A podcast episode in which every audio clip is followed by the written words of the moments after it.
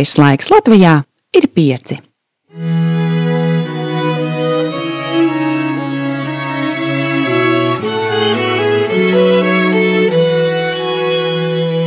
Tu klausies Radio Marija Latvija.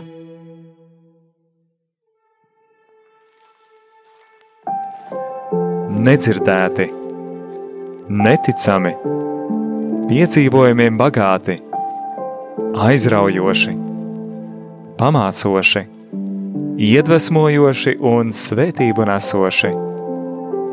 Tādi ir cilvēku dzīves stāsti. Tās ir grāmatas, kuras tā arī nekad nav sarakstītas, filmas, kuras neviens nav redzējis, mantojums, kura vērtība nav izmērāma. Raidījums dzīves stāsti - tā ir unikāla iespēja ielūkoties šajā dārguma lādē. Klausies raidījumu katra mēneša pirmajā trešdienā, pulksten 17.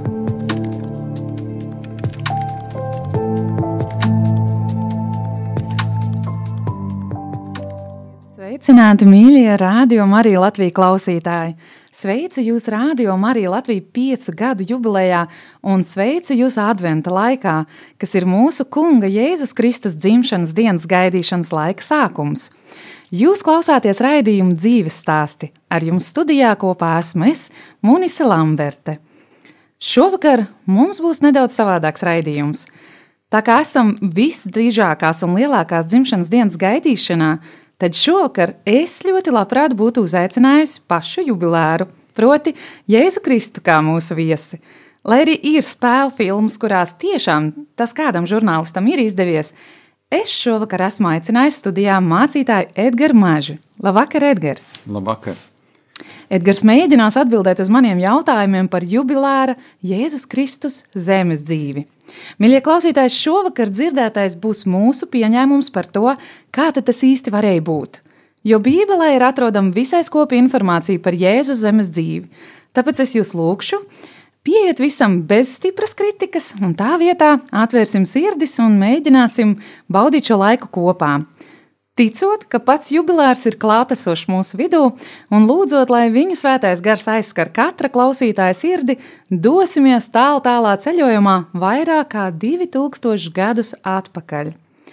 Edgars, tev šovakar ir īpaši interesants uzdevums. Tu mēģināsi mums visiem uzbūvēt to ainu, kāda varēja būt Jēzus zemes dzīve. Nu, droši vien mums būtu jāsāk ar to laiku vēl pirms Jēzus dzimšanas. Vai tu vari pastāstīt kādu, kā, kā tas varēja būt vēl pirms Jēzus vispār tika gaidīts kā bērniņš? Nu, ja skatās vēsturiski, tad nu, Izraēla tauta savu glābēju gaidīja vismaz gadus nu, 400 apmēram.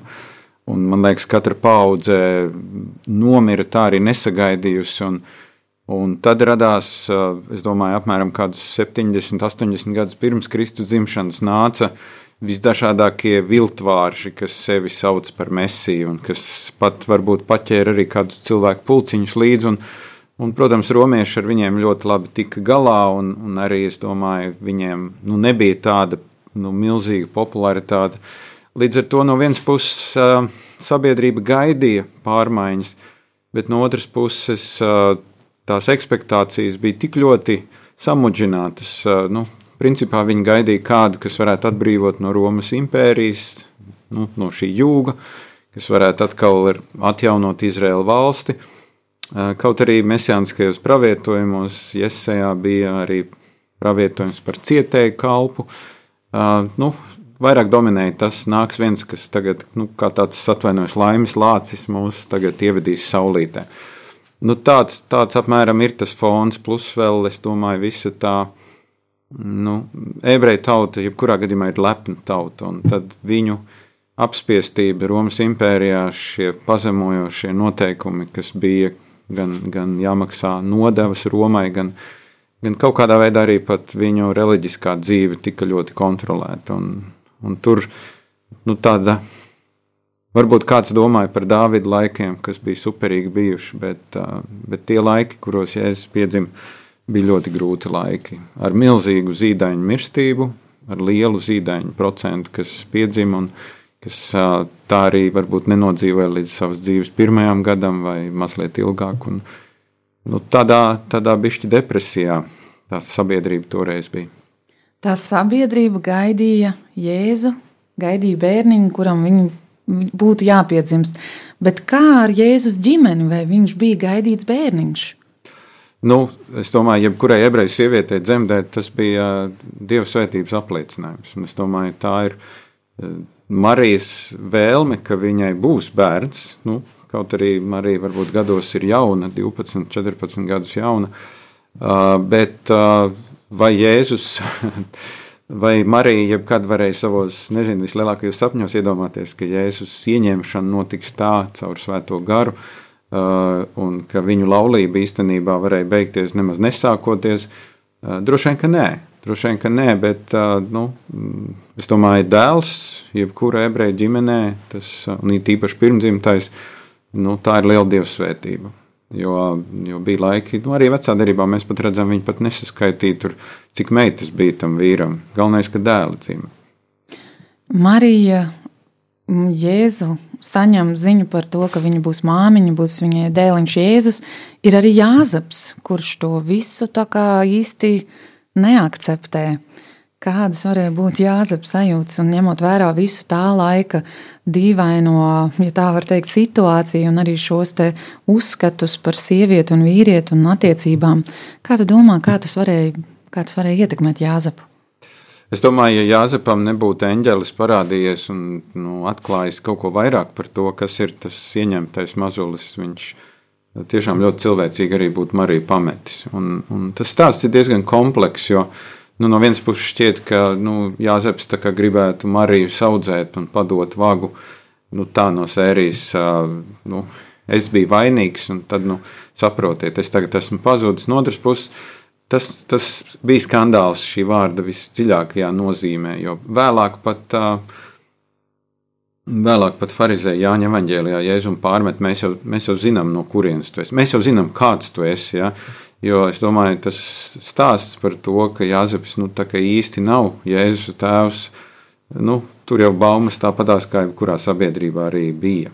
Un, un tāpēc es teiktu, ka Jāzeps uh, izcīna grūtu cīņu, un, un man liekas, ka tā ir tāda varbūt ļoti īpaša raksturība Mateja Evanģēlijā, kur, kur tiešām viņš paklaustam eņģeļa sacītēm. Nu, viņš jau varēja arī teikt, nu, kādas muļķības vīrieši bieži vien ir diezgan skeptiski domājot par eh, tādām nu, brīnumainām parādībām, sapņiem vai kaut ko tādu. Vai tajā laikā sieviete ar bērnu viena, ko tas varēja nozīmēt tīri arī, ja, ja tomēr Jēzus būtu spērs šo soli, lai mēs vairāk varētu saprast šo Marijas arī nu, grūto varbūt izvēli vai piekrišanu, jo tas nebūtu nav kā šodien, kad ir diezgan tā parasti ierasta situācija, ja māmiņa viena audzina bērniņu, kā tas būtu bijis tais laikos, ja tomēr tā situācija būtu izvērtusies savādāk? Nu, es domāju, tas būtu ārlaulības bērns, un, un Marija saņemtu visas sabiedrības nicinājumu. Protams, ka nu, bērna dēļ neviens viņu ar akmeņiem nenomētātu, kaut arī varbūt bauslībā šāds likums bija. Bet tajā laikā viņi to nedrīkstēja darīt jūdi, jo Romas impērija kontrolēja visus soda veidus. Un, uh, tas, protams, būtu negods, bet es domāju, tā labā ziņa ar ebreju ģimeni ir tā, ka paplašinātā ģimene būtu pieņēmusi un viņi kopīgi būtu audzinājuši šo mazuli. Un, nu, tas nebūtu tā, tur, tur nebija ne bērnam, ne kaut kas cits, bet ģimene rūpējās par mazuli. Paldies Dievam, Jāzeps tomēr piekrīt un ir kopā un uzņemās tēta, zemes tēta lomu Jēzum. Ja mēs ejam tālāk par šo pašu dzimšanas laiku, šodien mums ir diezgan ierasts, kad tuvojoties dzemdībām, tiek sazvanīta vecmāte, dodas uz dzemdību namu, ir kāda ārsta palīdzība, ir arī šīs mājas dzemdības, bet vienmēr ir kāds atbalsta personāls vai persona blakus. Kā tas bija tajā laikā, kad dzima Jēzus, kādas bija dzemdības? Tu jau minēji šo ārkārtīgi augsto zīdaiņu mirstību. Kā tas varēja būt tajā laikā? Un vēl ņemot vērā šo dzemdību vietu, ja tā varētu teikt, kūtiņu, kur nu, kaut kā nav piemērota mazuļu nākšanai pasaulē. Nē, nu, toreiz slimnīcas nebija, dzemdību nodaļas nebija. Līdz ar to nu, dzemdības bija tikai mājās vai dažreiz pat uz ceļa. Nu, ja mēs lasām veco derību, tad mēs redzam, ka tur Rāhela dzemdē, dzemdē ceļā. Ja, tur ir jāapstājās, un, un viņa arī dzemdībās diemžēl nomirst. Benjamīnu dzemdējot. Bet, bet es teiktu tā, ka nu, tas skumjākais pie visa tā ir tas, ka viņai ir jādzemdē prom no, savu, no savām mājām. Jo tā māju sajūta ir ārkārtīgi svarīga. Plus vēl savējie, plus vēl dzemdības, kurās viss ciems, ja tā varētu teikt, dzīvo līdzi, ja, un tur ir milzīgi sajūsma un svētki, ka vienai sievietei ir piedzimis mazulis. Marijai un Jāzepam viss no tā ir iztrūkst. Tā, viņiem, nav tā atbalsta. Viņiem nav atbalsta, jā. Nu, zin, par to kūtiņu ir tā, ka no vienas puses mēs varētu teikt, mēs atkal kā latvieši iedomājamies stallīt, iedomājamies tur smirdu un tā tālāk, un tur tagad, nu, Jēzus piedzimst. Bet, bet patiesībā tā varēja būt vienkārši, vienkārši ļoti tīra vieta, ja, absolūti. Un, un, un viena versija pat ir, ka tā, nu, ka tā sile, kur viņa lika Jēzu, ka tā varēja būt maizes abra, ja, nevis. Nu, tur ir daudz dažādas versijas par to, un, un es domāju, ka nu, noteikti Jēzus nepiedzimst antisanitāros apstākļos. Ar to mums jārēķinās. Bet tāda zīdaiņa mirstība, es domāju, ir tā iemesla dēļ, ka pirmkārt nu, nav jau šīs, šīs medicīniskās zināšanas, nav jau arī tie dzīves apstākļi tādi. Tie apstākļi ir ļoti grūti un, un, un tur, es domāju, nu, tajā ziņā. Jā, tas ir brīnums, ka Jēzus izdzīvo, bet nu, atkal no otras puses Jēzus, Jēzus misija, Jēzus ir Dieva dēls. Un, bet es domāju, viņš tāpatās slapināja autiņos. Nu, tā man vienmēr tādu smieklu uzdzen tā dziesma, kur Jēzus mierīgi guļ silītē, ne brēc, ne raud. Es domāju, nu, kura mamma būtu laimīga, ka viņas zīdainis vispār nekustās, ja viņš tur tā dievišķi guļ satīts autiņos, ja, un nezinu, salicis rociņas vēl un, un, un, un aleluja saka ar lūpām. Jēzus bija normāls zīdainis. Nu, te atkal ir jautājums par viņa cilvēcību. Ja, mēs dažreiz šo viņa cilvēcību gribam nu, paņemt apmēram no sērijas Marijai nekad nebija jāmaz gautiņu, jo Jēzus vienmēr paprasīja uzreiz jau, nu, viņš zināja, kā tās lietas dara jau no dzimšanas. Man ļoti patīk tas salīdzinājums par autiņiem, jo tiešām tā ir uh, katrai mammai un arī jau tētiem, daudziem, kur iesaistās šajā zīdaiņa audzināšanas procesā, ļoti saprotama lieta ēst, gulēt, autiņi un viss pārējās negulētās naktis, viņi ir tālu prom, viņi nav savās mājās. Tas nebūtu neatvieglo šo procesu. Ir tie paši autiņi, kur visdrīzāk bija ļoti maz, ir tās pašas negulētā, negulētās naktis un viss pārējās lietas, ko mēs šodien piedzīvojam. Tas nav mainījies gadsimtiem ilgi. Jēzus bērnība pati par sevi jau ir ļoti bagāta ar notikumiem. Vai tu varētu palīdzēt mums iziet cauri tiem spilgtākajiem viņa mazuļa la, dzīves laika, ja tā varētu teikt, viņa mazuļa perioda notikumiem? Mēs zinām, ka tur bija arī kāda saistība ar to, ka ķēniņš Heirods uzzināja, ka nu, šis bērniņš ir ilgi gaidītais piedzimis. Jā, es domāju, ka tas. Nu, uh, tā sāpe Marijai ir jāzeb, ka viņi nevar atgriezties atpakaļ mājās. Viņiem ir jāiet uz Eģipti, lai izvairītos no Heroda un, un no tā, ka Herods meklē nokaut Jēzu. Un, nu, ļoti skopa informācija. Nu, varam tikai, tikai minēt, atkal, kā tas ir, ka tev ar mazuli ir, ir jādodas ceļā un ka tu nebrauc ar automašīnu, tu jāj uz ēzeļa. Un, un, un, un tur atkal ir jautājums par to, tīri par higienu, kur tad ir tās vietas, kuras var apstāties, kuras var savu mazuli apkopt un nomazgāt. Un, un, protams, nu, tas varbūt, es domāju, evaņģēlīja tik skopi ir. Es par to domāju, kāpēc tik maz par Jēzus bērnību rakstīts. Jo uzzinām kaut ko par dzimšanu, tad ir uzreiz 12 gadu vecumā. Un tad visi šie tā saucamie apakrīfa evaņģēlīji, kas nav iekļauts svētajos rakstos, tur brīnum lietas stāsta, uh, nu, ka Jēzus tur ir Nīlas krastā no māla taisījis putniņus un atdzīvinājis, ja tur papildinājis dabu. Ja, un, un, un, vēl tur, ko viņš ir darījis, kādus brīnumus Eģiptē. Un es domāju, tas atkal tikai parāda to, cik cilvēkiem jau no paša sākuma ir kristietībā bijis grūti pieņemt, ka Jēzus bija arī cilvēks. Ja, viņš ir ticis dievišķots jau, jau kā saka, no zīdaiņa vecuma, bezmaz jau, ka viņš tur brīnums dara jau kūtī. Tur, uh, nezinu, lopus sagatavo auglībai un tā tālāk, ja, tikai paskatoties. Ja. Un tāpēc es teiktu, tas, tas, tas viņa dzīves, nu, dzīves ritms un arī tas, kur viņš dzīvo, nu, tas ir ļoti asketiski, kur viņš nu, pirmā gadsimta mājas, kas šobrīd arheologi ir atraduši arī nāceretē, nu, pārsvarā bija vienas istabas mājas. Jā. Tur uz grīdas bija viss, viss pietiekami, nu, tur bija klonis, tur, tur nebija tāda grīda kā mums. Un, un, un, protams, ka bagātniekiem bija varbūt kaut kas vairāk, bet, bet Jēzus dzīvoja ļoti vienkāršu dzīvi. Jā, ļoti vienkāršu dzīvi, un, un es domāju, pat. Nu, uzaugot, uzaugot savu vecāku mājās, nu, viņš mācījās, viņš mācījās, viņš tika mācīts.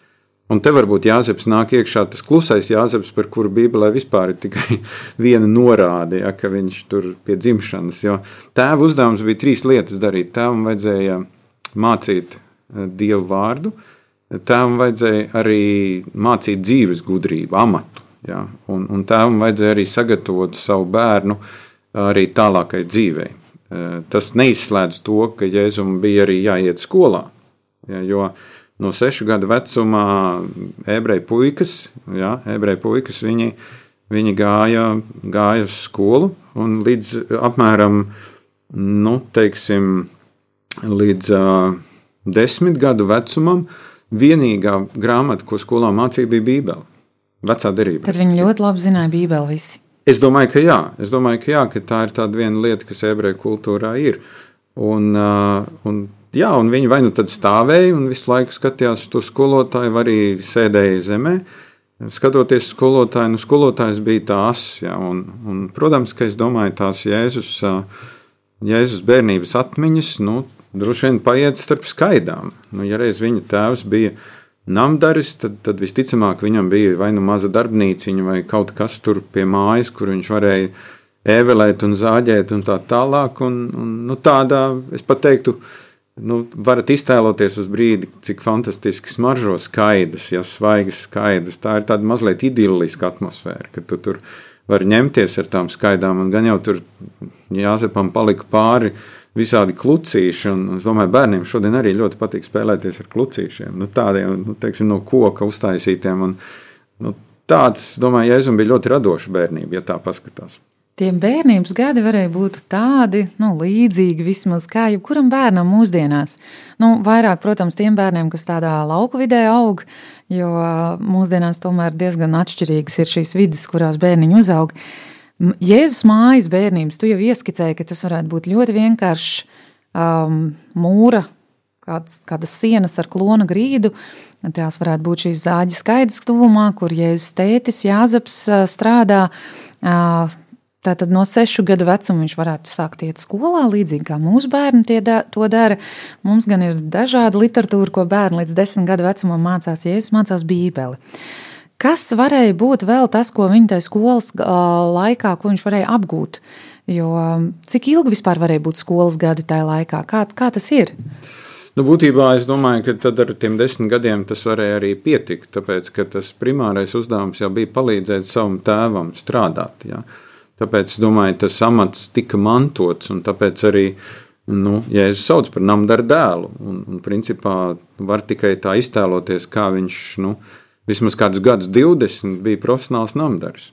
Tur, ne, tur nebija tāda iespēja izvēlēties profesiju, kādā ģimenē tu piedzimi. Jā. Tas tu uzreiz jau arī bija. Ja? Nu, izņemot, ja Dievs tev aicināja kļūt par tādu fantastisku pravieti, kā vecajā derībā, tad tur tie cilvēki varbūt tad, tad vienkārši aiziet. Jā. Bet, bet jā, nu, tā, tas, tā ir tā turpināmība, tā ir šī amata turpināmība. Un es domāju, ka nu, tā ļoti cilvēcīgi skatoties, es zinu, mans tēvs visu mūžu ir bijis galdnieks un mēbeles taisījis. Un, un, un, un, jā, viņa rokas bieži vien bija, bija skrambās un savainotas. Un, un tas, protams, viņš strādāja ar, ar, ar nu, elektriskām iekārtām, ar zāģiem un frēzi un tā tālāk. Bet es domāju, nu, galvenais darbs patiesībā ir tāds, ka tavas rokas arī bieži cieš no tā, ko tu dari. Vienalga, vai tās ir skabargas vai, vai arī kaut kas tāds, nu, vienalga zāģējot, var arī kaut kas aiziet greizi un kaut kas var uzkrist virsū un tā tālāk. Tā kā, jā, es teiktu, ka Jēzum nav liela izvēle. Kādi varēja būt Jēzus vecāki, kā vecāki, Marija, kā mamma, Jāzaps, kā tētis? Kā, kāda tie varētu būt šīs vecāku bērnu attiecības tajā laikā? Nu, zini, pēc tradīcijas Jāzeps bija krietni vecāks par Mariju. Un, un, un tā ir tāda nojausma, gan arī, ka tad, kad Jēzus ir krustā, tad jau Jāzeps ir miris. Nav īsti saprotams, kurā brīdī Jāzeps aiziet no šīs dzīves, un vai Jēzum ir jāuzņemas atbildība arī par savu mammu. Un, bet nu, es teiktu, ka par šīm attiecībām mēs uzzinām ļoti maz. Nu, tādā ziņā man šķiet, ka mums ir jāsaprot, ka bieži vien laulības arī vecajā derībā bija iepriekš sarunātas. Un, Un tur, tur varbūt tā romantika nāca iekšā kaut kā savādāk, kā mums. Šodienas sabiedrībā mums liekas, viņiem tur varbūt bija Katru vakaru viņi dzēra tēju, un tā viņi pārunāja, kā ir gājis. Nē, visticamāk, Jāzeps katru vakaru bija atslēdzies, viņš bija pārguris no tā, ka viņš strādāja smagi. Un, un es domāju, Marijai arī bija ko darīt mājas dzīvē, ja tas nebija tā tik vienkārši, ka viņi tur gulšņāja un skatījās seriālus. Nē, tur būtībā tā ir sabiedrība, kurā Jēzus uzauga, kas pazīst ļoti smagu, ļoti intensīvu darbu. Kaut kur Bībelē mēs arī lasām, ka Jēzum bija brāļi. Par māsām, kā jau tu minēji, tur nav teikts, bet vai Jēzum bija brāļi un māsas?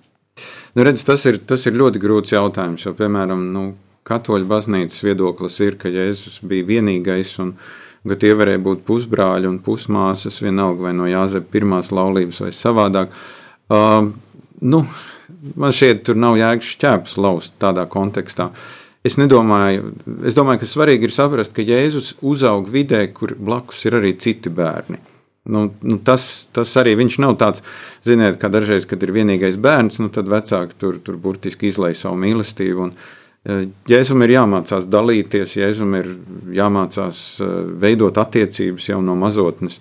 Tur e, nu, mēs arī neko nezinām teiksim, par gadu starpību un tā tālāk. Bet, bet nu, tā, ir, tā ir viena, es gribētu teikt, viena vienkārša ebreju ģimene, kura tā īpaši neizceļas citus, citu ģimeņu vidū. Un, un tas ir pārsteidzoši, ka tad, kad Jēzus sāk savu kalpošanu, tad, tad nāca arī citi dzīvotāji, nu tā vīpsnā. Viņi saka, nu, kad, kāds tur jā, jāzep dēls, mēs taču zinām viņa visu to dzimtes vēsturi, nu kādi brīnumi. Nu, nu, ko viens galdnieks, es atvainojos, var uztaisīt. Nu, tā, nu, un, un tad ir tas skarbais Marka evaņģēlīja teksts. Un, Nāceretē Jēzus tikai dažus brīnumus darīja viņu neticības dēļ. Viņš tur vispār, viņš gandrīz savā tēvzemē neko daudz neizdara. Cik interesanti mēs, kad runājam par Jēzu, bieži saka Jēzus no Nāceretes, bet pati vieta, pilsēta, ja tā varētu teikt, viņu īsti tā kā neatzīst. Jā, bet tā tas notiek. Es domāju, ar daudziem. Nu, tad, daudziem cilvēkiem, nu, ka tas pravietis tajā savā tēvzemē netiek atzīts. Nu, nu, diemžēl tā ir, tāpēc ka tie, kas ir redzējuši jēzu uzaugam, viņiem tas, nu, tas cilvēciskais plīvurs ir tik spēcīgs, ka viņi neredz neko tālāk par to cilvēcisko. Nu, ko tad tāds puišelis tur skraidāja ar citiem, nu, tagad baigais sludinātājs? Cik interesanti mums bieži vien ir ļoti grūti ieraudzīt Jēzu šo cilvēcīgo pusi, bet viņiem bija grūti šo dievišķo pusi ieraudzīt, vai ne tajā laikā. Jēzus kā bērniņš ir izaudzis, skola ir pabeigta, ir jauniešu gadi. Kādi varēja būt jauniešu gadi tajā laikā? Mēs nojaušam smags darbs, grūti strādāt, bet nu kaut kāda jauniešu dzīve jau tomēr arī tur bija, vai ne? Nu, zini, kā viss, viss tur ne, nav tādi baigie tusiņi, ja no sērijas aiziesim tur, nezinu, kopā uztaisīsim baļķu vai vēl kaut ko. Viss vairāk vai mazāk uh, griežas ap garīgo dzīvi. Jā, garīgo dzīvi, un tur ir sinagoga, un sinagogā ir satikšanās vietas. Sinagoga ir ne tikai dievkalpojumi, tur ir dažādas aktivitātes, un kaut kādā ziņā sinagogā arī cilvēki sapazīstās un tā. Un, un tāpēc es teiktu, nu, ka 12 gadu vecumā Jēzum notiek kaut kāda izlaušanās, kas, kas Lūkas evanģēlijā ļoti interesanti tiek pasniegta. Nu, tā, kad, kad Jēzus no vienas puses viņš, viņš padod vāku, ja, viņš pilnīgi aizmirst, ka viņam ir vecāki. Ja, viņš, viņš ir tādu sajūsmu, tad viņš, kad Marija ar Jāzepu atnāk, tad viņš saka, nu, kam jūs esat mani meklējuši, vai tad nezinājāt, ka man jādarbojas savu tēva lietās? Ja? pilnīgs kosmos. Ja es domāju, Marija ir Jāzep, ok, tēva lietās, Jāzeps domā, tēvs, tēvs. Nu jā, es neesmu tēvs, saprotu. Un tad, un tad mēs lasām, 50. pantā viņi neizprata uz viņiem sacīto vārdu. Bet 51. pāns ir, ir superīgs. Un viņš nogāja tiem līdzi uz nāceretu un bija tiem paklausīgs. Nu, tā tas notiek, notikums beidzās tik, nu, nu, tik cilvēcīgi vienkārši. Ja? Marija visus vārdus patur savā sirdī, Un tad ir 52. un Jēzus pieņēmās gudrībā, augumā un piemīlībā pie Dieva un cilvēkiem. Punkts. Ja? Tas ir pēdējais, pēdējais par viņa jaunību. Jauniešu gadi beidzās. Visi jauniešu gadi beidzās 12 gadu vecumā. Uh, bet, bet es domāju, ka šis notikums parāda tikai to, cik milzīgi Jēzum vajadzēja sevi kaut kādā veidā par ātru nepalaist apritē. Ja, ka viņam vēl vajadzēja vismaz 18 gadus gaidīt.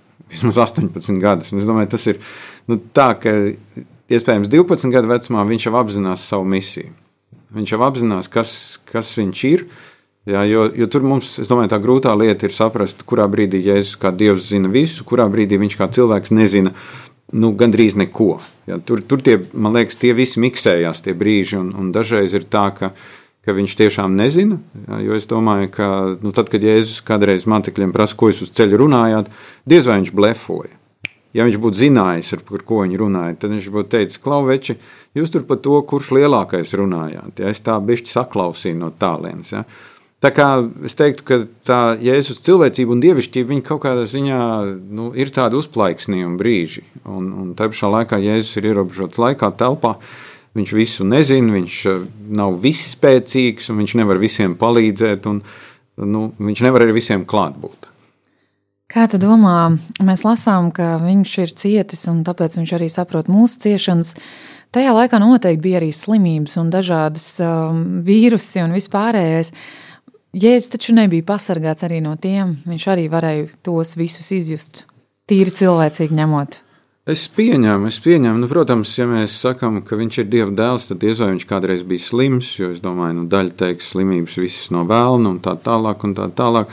Bet, bet es domāju, viņš bija normāls jaunietis. Nu, skolā viņam tāpat tās patika, patika darīt blēņas. Jūs teiksiet, bācis, ja es nekad neblēņojos, ja es vienmēr ar, ar svētiem rakstiem rokās, ja stūrī tāds nopietns, ja visa klasa domā, nu tas nu gan ir baigais zubrilka, ja, kas no viņa sanāks. Ja. Bet, bet es domāju, ja viņš spēja just mums līdzi, un, un tas ir, ko ebreju vēstules autors saka, ja, ja viņš spēja just mums līdzi, tad Jēzum nekas no mūsu cilvēcības nav svešs. Pilnīgi nekas. Tikai tas, ko ebreju vēstules autors saka, viņš ir eh, gājis šiem pārbaudījumiem cauri, bet viņš nav grēkojis. Bet, eh, bet tas neatņem viņam šo empātiju, spēju just mums līdzi, kas eh, nu, bieži vien mums ir grūti noticēt. Kā viņš varētu just mums līdzi. Bet es domāju, nu, viens no vārdiem, kas evanģēlijos parādās itin bieži, ir iežēlojās, iežēlojās un iežēlojās. Un iežēlošanās ir nu, tiešām tāds emocionāls stāvoklis, ka tu, ka tev asaras virs skatoties uz to nelaimīgo cilvēku. Ka tu nevis tur saki, nu, atkal tu esi sabojājis savu dzīvi, nu, kāpēc tu tur grēkoji un kāpēc tu to darīji. Bet Jēzus redz, ka tie cilvēki ir kā avis bez gana. Viņš redz, ka, nu, ka viņiem ir čābīgi un, un ka viņš var palīdzēt, bet ne visiem. ja vienā brīdī viņš, man liekas, ir galīgi izvests. Viņš saka, nu, cik ilgi es pie jums te būšu, nu, stiepiet šurp to slimo. Ja? Apmēram no sērijas, nu, cik tad var. Ja? Un, un man patīk tā raksturvieta. Ja, var jau teikt, ka Jēzus ļoti garīgi to teica tādā svētā balsī, bet man liekas, ka viņam bija emocijas, jo viņš bija ebrejs pēc zemes izcelšanās. Bet tas parāda to viņa cilvēcību, jo man šķiet, ka ar mums ļoti līdzīgi. Mēs vairāk jūtam līdz tiem cilvēkiem, kuri piedzīvo kaut ko tādu, ko mēs paši esam pieredzējuši. Un mums šī iežēlošanās ir ļoti dabīga, ja mēs esam izjutuši ko līdzīgu. Tas man pašai personīgi arī vienmēr ir licis sajust Jēzu cilvēcīgāk, zinot, ka ja viņš ir teicis, ka viņš ir jutis līdzi un zina, kā es jūtos, tad viņš saprot man daudz labāk. Un, un, jā, man patīk, kā tu saki, tas ir tas cilvēcīgais, arī tas nogurums, un varbūt šī neiecietība, un arī šīs dusmas, kas ir tālāk templī. Viņš parāda šo cilvēcīgo dabu, protams, negrēkojot, bet parāda, tas ir normāli tā justies. Nu jā, un, un te es domāju, mēs kā, kā kristieši bieži vien esam uzskatījuši, ka. Nu, Ka, ka parādīt savas emocijas ir, ir kaut kas slikts un ka tas ir grēcīgs. Protams, jautājums, vai tu spēj šīs emocijas kontrolēt un savaldīt. Bet, bet es domāju, Jēzus bija, bija emocionāls šeit virs zemes. Tur, tur man būtu grūti iedomāties viņu kā tādu, nezinu, tādu lēno flegmu, ja, kas, kas kaut kā, nezinu, tādām blāvām acīm staigāta kaut ko dara, ja, un tad atkal pazūd. Un, nu, viņš, es domāju, spēja būt gan skarbs, gan arī ārkārtīgi mīļš. Viņš bija ar savu raksturu, kā personību. Par Jēzus personību mēs tieši arī turpināsim, bet pirms mēs sākam šo daļu, iesim nelielā muzikālā pauzē. Ceru, ka šī Edgara šoreiz izvēlētā muzikālā kompozīcija saskan arī ar to, ko Jēzus izvēlētos, ja viņš būtu mūsu vidū. Klausīsimies!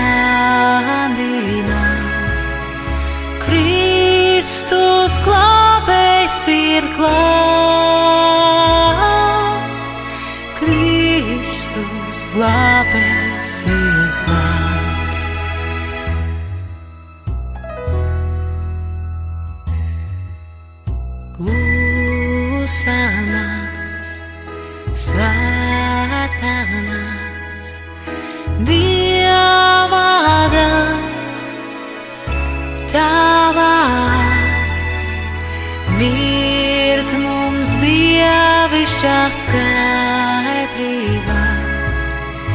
Nu ir dvēsele pestītā, jo tu cīnīs par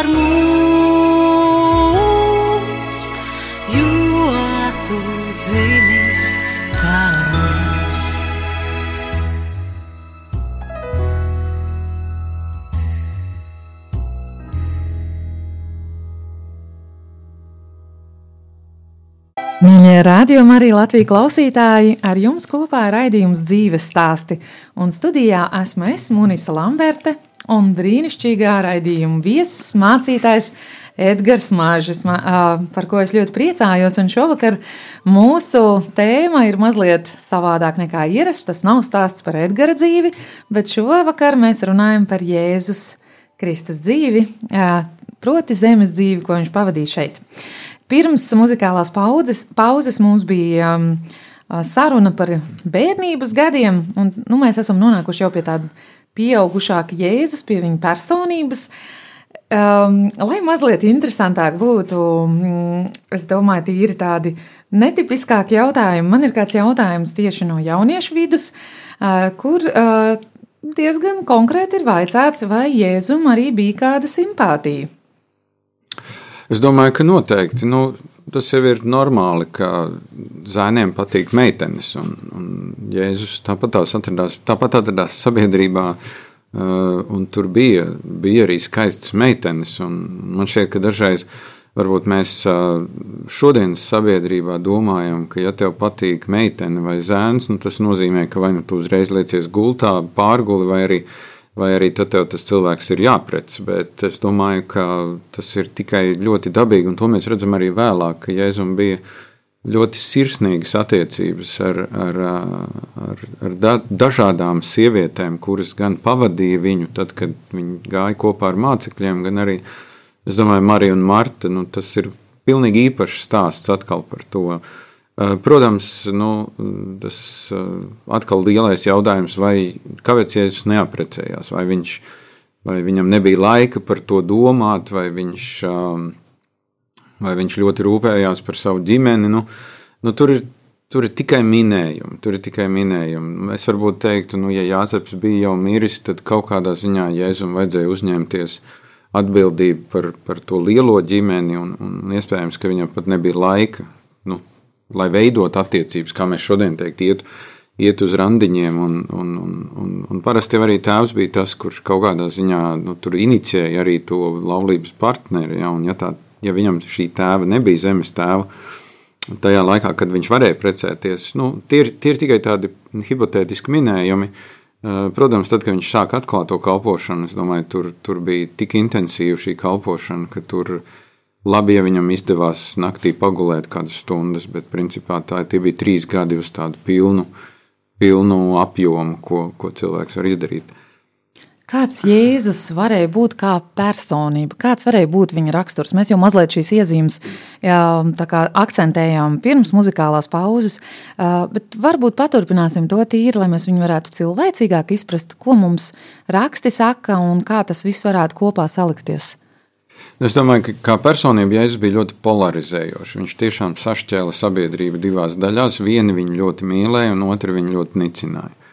Un, un Un tas, tas parāda varbūt to, ka Jēzus nelaipoja tādā ziņā, nu, ka viņš varbūt mēģinātu savus pretiniekus kaut kā runāt ar viņiem mazliet mīkstāk, nu, tā lai, nu, lai viņi saprastu, ka nu, it, it kā jau viss ir kārtībā, neuztraucieties.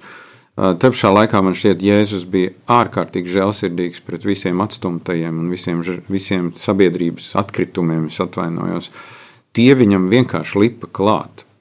Un man šķiet, tas vēl vairāk satracināja to garīgo eliti, kuriem nu, tā izjūta bija tāda, nu, kā šie netīrie cilvēki, kuriem ne, ne viņi ir Dievu priekšā taisnoti, ne, ne Dievs viņus pieņem, ja, kā viņi vispār uzdrīkstās, uzdrīkstās pat pieskarties kā tā netikla, kas mazgāja ar savām asarām Jēzus kājas un ar matiem žāvēja patiesībā ļoti, ļoti piedauzīgs skats tā laika ebreju sabiedrībā. Tāpēc es teiktu, ka, ka viņš kaut kādā veidā bija ļoti tiešs. Uh, viņš, domāju, lasot par Jēzu, man šķiet, ka Jēzum šausmīgi nepatika liekulība. Nu, tāda, ka viņš, uh, nu, pret to viņš ļoti asi no, nostājās, pret jebkura veida liekulību, pret tādu tādu glaimošanu. Ja, man šķiet, ka tur Jēzus arī tais brīžos, ka viņi grib pārbaudīt, tur, vai nodokļi jāmaksā, vai tas. Tad es domāju, tas eh, jocīgais stāsts par to sievieti, kurai ir septiņi vīri, un kurš tad viņai būs debesīs. Un, un Jēzus saka, nu jūs vienkārši muļķojaties, nu beidzat muļķoties. Jūs vispār nesaprotat, ka Dievs ir dzīvo Dievs un, un ka tur, tur, vairs, tur vairs nekādas laulības ceremonijas nenotiks. Nu, nu, nomierinieties. Ja? Bet tie cilvēki, domāju, tie, kas viņu nemīlēja, tie vienmēr kasījās un mēģināja atrast, kur varētu piekasīties. Bet, bet pēc sava rakstura man šķiet, viņš bija, viņš tiešām bija līderis. Tur vairākās vietās parādās, kur viņa Jēzus aptur mācekļus vienalga, tad, kad viņi grib tur dedzināt samariešu ciemu nost, vai, vai tad, kad Pēteris saka, nu, tu nemūžam nemazgāsi man kājas, un Jēzus saka, mazgāšu gan, jā, nomierinies, jā, tas ir mans tulkojums, jā. Un, nu, viņš uh, bija saprotošs, viņš spēja iedrošināt, jā, viņš bija arī cilvēks, kurš, uh, kurš bija sarūktināts. Es domāju, bija vairāks, ir vairāks raksturvietas, piemēram, uh, Jāņa evanģēlijā sastā nodaļā, kur viņš ir pabarojis tos tūkstošus, un, un tagad viņš viņiem saka, zini, jūs jau man nākt pakaļ tikai tāpēc, ka es jūs pabaroju. Un tad tie visi tik cemīgi kļūst, visi aiziet. Ja? Un, ja es paskatās uz saviem mācekļiem, viņš saka, jūs arī gribat aiziet. Ja? Man liekas, tur ir baigās sāpes sirdī. Principā, nu, Pēters tad saka, nu, kur tad mēs iesim? Ja? Tev ir mūžīgās dzīvības vārdi. Tā kā es teiktu, ka Jēzus tāda filozofija bija, nu, viņš bija šeit kā viņš vairāk kārt saka, darīt savu tēvu gribu. Un, lai darītu savu tēvu gribu, un zinot, ka viņš bija arī dievs, eh, tas īstenībā nozīmēja nu, baigo pakļaušanos tēvam. Ko mēs, um, ko mēs varētu mācīties no Jēzus dzīves, tās pers viņa personības, viņa rakstura iezīmēm? Es domāju, ka tas, uh, tas svarīgākais, kā es to saprotu, ir uh, um, redzēt, ka katrs cilvēks ir Dieva līdzjūtībā radīts un ka katram cilvēkam ir vajadzīgs miers dvēselē, katram cilvēkam ir vajadzīga glābšana. nu, mēs bieži vien esam noslāņojušies, mēs uzrunājam tos, kuri mums patīk, mēs darbojamies ar tiem, kuri spēj novērtēt to, ko mēs viņiem darām. Mēs atsevišķas cilvēku grupas joprojām izslēdzam no iespējas, ka viņi varētu kaut ko saņemt no Jēzus. Un, un Jēzus lauž visus šos priekšrakstus. Nu, nu, viņš, es domāju, ārda pa visām vīlēm to, ko viņi rūpīgi bija uztaisījuši tos žogus, Jēzus grāva vienu pēc otra nost. Jo, jo es domāju, viena no tām lietām, ko Jēzus izdarīja šeit zemes dzīvē, viņš atjaunoja sievietes cieņu un vērtību. Jo sieviete, arī bērni, patiesībā sievietes un bērni bija, bija tādi nu, otrās kategorijas pilsoņi no sērijas. Nekas labs no bērniem nenāk, nekas jau nu, tā sieviete. Jā. Un, un mēs redzam, cik ļoti Jēzus ir. Uh, iejūtīgs pret sievietēm, un kā viņš kaut kādā veidā nu, nevis saka tām sievietēm, kas viņam seko, mēs esam mācekļiem, tie iesim pa priekšu, un jūs pēc, pēc simts metriem nāciet, un, un, un jūs ziniet savu vietu, un tā tālāk. Bet, bet es domāju, nu, daudz ko var mācīties. Tas ir, nu, man šķiet, ka nu, no vienas puses, jā, Jēzus,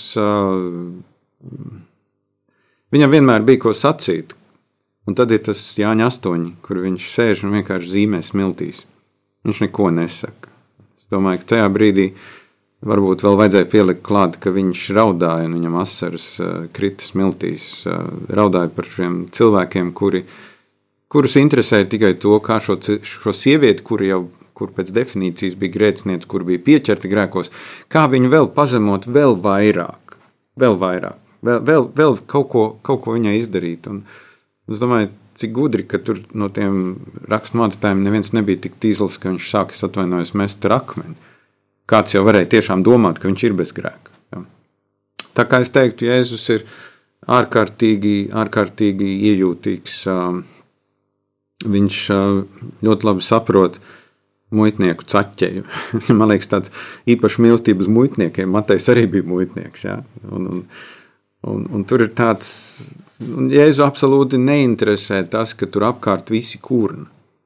Es domāju, tas arī ir. Nu, tev ir jābūt ar baigo harismu, lai vienkārši iet un darītu, nevis lai tu sāktu viņus atkal rāt, tos, kas kurna. Bet, ja es saku, nu, paklausieties, tagad līdzības, tur pazūd nauda, pazūd aita, dēls pazūd, jā, nu, nu, paskatieties, paskatieties, kāds tēvs ir, jā, un kā debesīs eņģeļi priecājas par vienu grēcinieku, kas atgriežas. Nu, Tādu apmēram es redzu jēzu. Tad tā varbūt, ja tā visu savalkumu kopā, tas lielākais vai tā lielākā vērtība, ko mēs varētu no jēzus mācīties, ir šī iejūtība.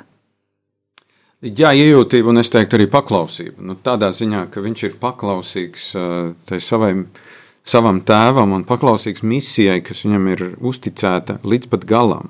Ja, tur Man patīk, ka ebreju vēstules autors pat piemin tādu ļoti, ļoti skarbu brīdi, Jēzus dzīvē, tas ir 5. nodaļā, kad Kristus savās, citēju, savā zemes dzīves dienās ar skaļu kliekšanu un asarām raidīja daudz lūgšanu un saucienu pēc palīdzības tam, kas viņu spēja izglābt no nāves, viņš tika uzklausīts savas padavības dēļ. Un, lai gan viņš bija dēls, viņš mācījās paklausīt ciešanās. Un šis kaut ko pasaka no tā, kas varbūt citos evaņģēlijos vispār nav uzrakstīts. Tā ka es teiktu, nu, droši vien tas bija ģedzamāns dārs, kur Jēzus. Bet šeit mēs redzam daudz lūgšanu. Visticamāk, visticamāk viņš lūdz arī skaļi, tad, kad viņš bija viens pats, tur aizgājis kalnā. ka viņš, viņš bija izmisis, ka viņš saprata, ka, nu, nu, ka neiet tā misija, ka kaut kas, kaut kas ir šajā, tie cilvēki ir tik stūrgalvīgi. Un, Tas, manuprāt, ir tik iedrošinoši mums, jo brīžiem liekas, ka Jēzus viss sanāca, un mēs te tagad ejam un kaut ko darām, un nekas nesanāk un nenotiek tā kā plānots. Bet atkal šī cilvēcība iedod tādu nu, sapratni, ka tu zini, ka Dievs tevi saprot, ka Jēzus saprot, kā tu jūties. Kas varēja būt šie skaistākie stāsti vai piedzīvojumi Jēzus zemes dzīvē? Kā tu domā, kas bija viņam īpaši mīļi un tuvi? Mēs tādus nojaušam, lasot Bībeli, bet varbūt varētu izcelt kādus, lai, lai vieglāk savilkt mums kopā to. Es domāju, ka kurš dziedināšanas stāsts ir ļoti īpašs. Nu, redzēt, kā cilvēks tiek atjaunots atkal sabiedrībā atpakaļ. Jo, Nu, vienalga, vai tā ir sieviete, kurai ir cik gadus staigājusi pie ārstiem un kur nevar tikt galā ar savu asiņošanu, un kura ir divi tik nicināti, viena vispār nu, savas slimības dēļ, un, un otrkārt nu, asinis un asiņošana ebreju kultūrā. Nu, vienmēr tas ir saistīts ar nešķīstību, nu, tas ir par taviem grēkiem. Un, uh, spitālīgā dziedināšana, kad ja es saku, es, es gribu top šķīsts. Un, Un tad arī tie, tie paēdināšanas brīnumi. Es domāju, cik interesanti, ka Jēzum ir svarīga arī mūsu fiziskā labsajūta. Ka tas nav tā, ka, ka Jēzus saka, nu tagad trīs dienas jums mācīja rakstus, nu tad ejiet tagad mājās. Jā, mies tik un tā, nomirsiet kādreiz, un kam tur tas ķermenis. Jēzus pa divi lāgi pabaro tūkstošus. Un, un, un, un noteikti, es domāju, arī tie brīži, kur uh, mēs redzam, kā viņš, nu, uh, māca lūgt dievu mācekļiem. Es domāju, šī kalna svētkruna arī ir tik ļoti interesanta viņa mācību esencē. Un man šķiet, ka katrs, katrs notikums kaut kādā ziņā ir tāds mozaīks gabaliņš. Nu, tas, tas, kas domāju, skatoties uz Jēzu, man ir izjūta, viņam bija laiks visiem. Viņš varēja apstāties pat tad, ja viņam bija jāsteidzās. Un viņam nebija mērķis uh, tur laikā aiziet uz Jeruzalem, lai mirtu pie krusta, bet viņš varēja apstāties pie jebkura cietēja. Uh, viņš mācīja nodalīt savu privāto dzīvi no, no publiskās. Vi, viņam tas izdevās. Es domāju, mums bieži tas neizdodas. Misijas, misijas uh, ietekmēti, mēs nu, tā gribam nezinu, izsmērēt sevi sabiedrībā, domājot, ka tā mēs būsim Dievam tuvāk. Uh, viņš investēja sevi 12 sekotājos kas ir arī, es domāju, nu, viņš nesāka ar ļaužu pūļiem. Jā, viņš jau varēja tur paņemt tos ļaužu pūļus, tur, tur visi tie simti un tūkstoši, kas gāja pie Jāņa Kristītāja, viņš varēja viņus, kā saka, trans, transferu uztaisīt. Saka, tagad klausieties mani, tagad es jums to. Viņš, viņš saprata, ka pilnīgi pietiek ar beigās ar 11 cilvēkiem. Es domāju, arī dzīvot trīs gadus kopā, zinot, kas tev, kurš tevi nodos, nu, tas arī, man liekas, nav, nu, nav nekāda medus maize. Mēs lēnām tuvojamies raidījuma izskaņai, un eh, es domāju, ka būtu ļoti jauki, ja mēs varētu arī tā parunāt par to, kā Jēzus gribētu, lai mēs svinam viņa dzimšanas dienu. Nu, ja es jau droši vien teiktu, nu, nevajag neko, nu, es jau, nu, taču, nu, sviniet. Bet redziet, atkal no otras puses, um, es domāju, svinēšanai ir milzīga nozīme. Uh, vienalga, vai mēs svinam dzimšanas dienas, vai kaut kādas jubilejas, vai vēl kaut kas. Svinēšana mums ļauj ieraudzīt uh, to pateicību, ko Dievs mums ir devis. Un ja Dievs mums ir devis tik ļoti daudz uh, svētības, un man liekas, ka tā dzimšanas dienas ideja, svinēt dzimšanas dienu, protams, nu, ir jau kristiešu grupas, kas saka, o, nē, ja es nekad nesvinēju dzimšanas dienu, mums arī nevajag svinēt. Bezmaz tā, tā būtu kaut kāda grēcīga padarīšana, ka mēs svinam Jēzus dzimšanas dienu. Bet es domāju, ja Jēzus ir tavs kungs, nu kāpēc nesvinēt savam kungam dzimšanas dienu? Kāpēc nepriecāties kopā ar viņu? Un tāpēc man šķiet, ka ka tā ir ārkārtīgi laba tradīcija, ko Kristīgā baznīca paņēma jau ļoti agri. Tas nav tā, ka, nu, ja es dzimšanas dienu mēs sākam svinēt 15. gadsimtā, ja, un, un tad līdz tam mēs nezinām, ko svinējām, visas ebreju svētkus vai vēl kaut ko. Tā kā man šķiet, šogad tā svinēšana ir, ir, ir grūta. Nu, tādā ziņā grūta, ka tev ir jāsvin savā ģimenē. Tu jau tā tur no marta mīcies ar saviem visu laiku pa istabu. Un tagad arī Ziemassvētkos, arī Ziemassvētku vakarā tu, tev jābūt kopā ar savējiem. Jā. Nu, protams, tur varbūt ekonomiski var ietaupīt uz mīlestību rēķinu, bet savējie, savējie, ar kuriem dažreiz ir grūti svinēt. Jo mēs dažreiz ziepes savāram ar savējiem, un varbūt mums jālūdz atdošana pirms mēs svinam. Bet es esmu par to, ka mums jāsvin. Kāda varētu būt skaistākā dāvana, ko mēs varētu Jēzum uzdāvināt dzimšanas dienā? Nu, tas tagad tajā bērnu dziesmā, ka saņem mūs pašus par dāvanu sev vai vai animācijas filmā, nu, pagaidi, Luči, moj padara, ka tā tī, vai labākā dāvana tā esi tu. Nu, tas viss skan ārkārtīgi smuki, tā ārkārtīgi pareizi, bet tas arī neko daudz neizsaka. Nu, tādā ziņā, nu, ko, tad, ko tad es varētu, ko tad es varu dāvināt? Nu, Es, es pagriezīšu uz otru pusi, nu, vai Jēzum kaut kas pietrūkst, viņam kaut ko vajag, ja? vēl vienu zeķu pāri vai medus podu. Nu, nē, taču nē, drīzāk tas ir jautājums par to, uh, cik daudz viņš man nozīmē, kā, kāda ir viņa vieta manā dzīvē. Ja? Var jau svinēt arī tad, kad tu negribi svinēt. Ir jau, ir jau aicinājums svinēt. Es domāju, dažreiz politiskie līderi grib piespiest, lai tauta svin. Neviens jau tur nesvin tā ar baigos siltumu sirdī.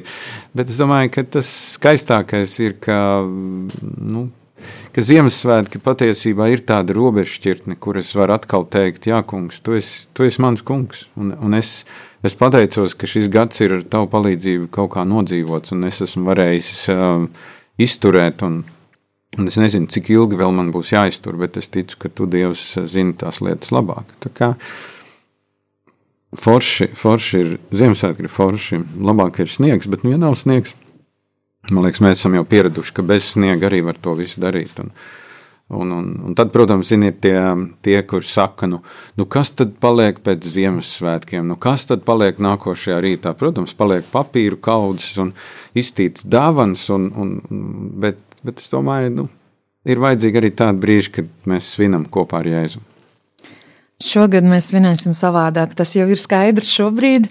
Um, kaut kādā mērā tas ir skaisti, jo mēs nepavadām laiku skrienot, vienkārši nevaram skriet. Uh, Šajā laikā mēs vis, vienmēr jau Ziemassvētku laikā esam centušies viens otru apsveikt, tādā veidā atgādinot, ka Jēzus ir tā mūsu lielākā dāvana un mēģinot iepriecināt citus. Varbūt tev ir kāds tāds praktisks ieteikums, kā tad mums šos svētkus svinēt savādāk, kas varētu būt tās dāvanas, ko pasniegt, ja mēs nevaram fiziski satikties, vai kas varētu būt tas veids, kā mēs viens otru varētu vairāk iepriecināt. Ne tikai mūsu ģimeni, bet varbūt arī kādu tālāku, kādu cilvēku, kurš ir diezgan vientuļš šajos svētkos un iespējams būs vēl vientuļāks, jo arī ierastie labderi nevarēs pie viņa atnākt. Nu, vēl joprojām ir telefons. Es domāju, mēs varam zvanīt. Mēs varam arī kādus dažreiz vajag pāris teikumus, lai pateiktu kaut ko jauku cilvēkam. Dažreiz cilvēkam pilnīgi pietiek ar to, ka viņš zina, tu esi piezvanījis. Tur nemaz tam saturam nav baigā nozīme. Jau tā ideja, ka es neesmu viens Un, un te es domāju, ka katrai draudzēji ir, ir, ir arī milzīgs potenciāls. Nu tā, un ne tikai es domāju, ka cilvēki, jebkurš cilvēks vēlas, lai viņam piezvana. Nu, tas, tas nav tā, nu, izņemot, ja tur dzimšanas dienā tev tur 89 zvani un 90 to tu jau, ai, atkal viens zvans. Bet, bet es teiktu, nu, ir jau kaut kāda vieta labdarībai, ir tāpatās var sūtīt, eh, izmantot pakomātus un viss pārējais. Nu, nu, nav tā, ka mēs teiktu, mēs esam pilnīgi iedzīti tagad purvā, ja, bez elektrības, bez sakariem. Viss jau joprojām ir, un ir daudz kas vairāk, kā tas bija toreiz, kad Jēzus piedzima. Un, un jā, ir pandēmija, un, un tajā laikā arī bija pandēmijas, tajā laikā arī bija infekcijas, tajā laikā, nu, Cilvēks vēsturē daudz kas ir bijis jau no tā, kas notiek šodien. Tā kā nevajadzētu iespringt, vajadzētu vienkārši tā, tā mierīgi izdzīvot šo laiku. Mēs šovakar runājam par Jēzus dzīvi, bet kā tu, Edgars, savā ģimenē svinēsi Ziemassvētkus? Nē, nu kā tur ir divi, divi, divi ja? distancēšanās, rokas, maskas. Vienā ģimenē jau var. Vienā ģimenē var, protams. Nu, mums laikam būs tikai viens dievkalpojums bez cilvēkiem, šajā Ziemassvētkos, jo būtu ļoti nežēlīgi, teiksim, kaut kādus 50 izredzētos dabūt, un tad viss pārējie pēc tam, nezinu, mest akmeņus aiz dusmām. Uh, bet, bet tas būs, jā, tas būs droši vien ģimenē. Ģimenē mēs būsim kopā, mēs centīsimies, centīsimies izdzīvot, izdzīvot tā, ka šis būs laikam pirmais gads tiešām, kad visa mūsu maža dinastija nevarēs būt kopā, kad, um, kad mums vajadzēs kaut kā mēģināt visu to darīt savādāk. Vai nu, vai nu pulcēties mežā, uh, starp kokiem un, un dāvanas nolikt uz zariem. Uh, es šobrīd vienkārši improvizēju, bet, uh, bet man vienmēr nu, Ziemassvētki ir. Ir bijis tas skaistākais, ka es redzu, ir tik daudz cilvēku, kurus es neesmu redzējis, un viņi vismaz gadu laikā vienu reizi atnāk, un vismaz kaut ko viņi dabūs šogad. Man atkal ir jādi, jādzīvo ticībā, ka, ka viņi tur ir, ka viņi skatīsies ka viņi kaut ko dzirdēs, un ka Jēzus vēsts viņiem trāpīs. Noslēgumā es gribētu lūgt eh, tavu novēlējumu radio Marija Latvija 5 gadu dzimšanas dienā, un arī mums visiem, gan radio Marija Latvija jubilejā, gan arī Ziemassvētkos. Ko tu mums varētu novēlēt? Nē, nu, tas radio Marija Latvijas vēl, lai viņi ir, viņi ir pat vēl vairāk ekumēniski, kā viņi ir līdz šim, lai viņi turpina mīlēt baptistus, Un to viņi ir darījuši, un es zinu, ka viņi dara. Un, un, un vismaz kaut kāda, vismaz, nu, ja nu arī mēs nes, nestāvam uz viena ticības pamata, tad vismaz uz draudzības pamata noteikti stāvam. Par Ziemassvētkiem man šķiet, nu, nu, ko var vēlēt šajā situācijā? Man liekas tikai to, ka, ka Kristus uh, ir dzīves un Kristus ir klātesošs. Arī tad, kad ir vistumšākā nakts, arī tad, kad. Uh, Nu, es domāju, ir cilvēki, kur gaida to, to 22. decembri, kad tas dienas garums būs visīsākais. Un tad minūti pa minūtei, un jau 1. janvārī jau būs tik minūtes diena garāka, un vēl garāka, un, un atkal mēs iesim pretī gaismai. Edgars, sirsnīgs tev paldies par iespēju būt kopā un dzirdēt ko vairāk par Jēzus dzīvi un arī nedaudz par tavu dzīvi. Lai Dievs dod mums katram sirdī kādas domas no dzirdētā, kas paliek un nes svētību mums un citiem. Mīļo klausītāji, liels tev paldies, ka biji kopā ar mums! Novēlu tev īpaši skaistu un piepildītu šo adventu laiku, un jau laicīgi saku, priecīgi Kristus dzimšanas dienu. Tu klausies raidījumu dzīves stāsti. Nākošo raidījumu dzirdēs jau jaunajā gadā, janvāra 1. trešdienā, 17.00. Uz tikšanos!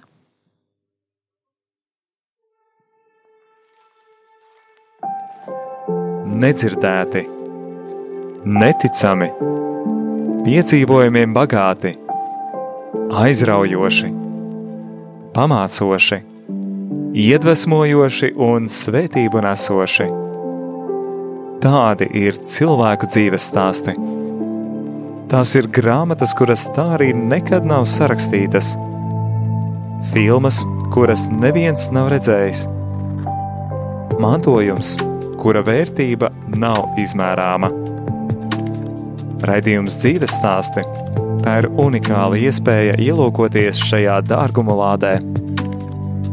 Klausies raidījumu katra mēneša pirmajā trešdienā, pulksten 17.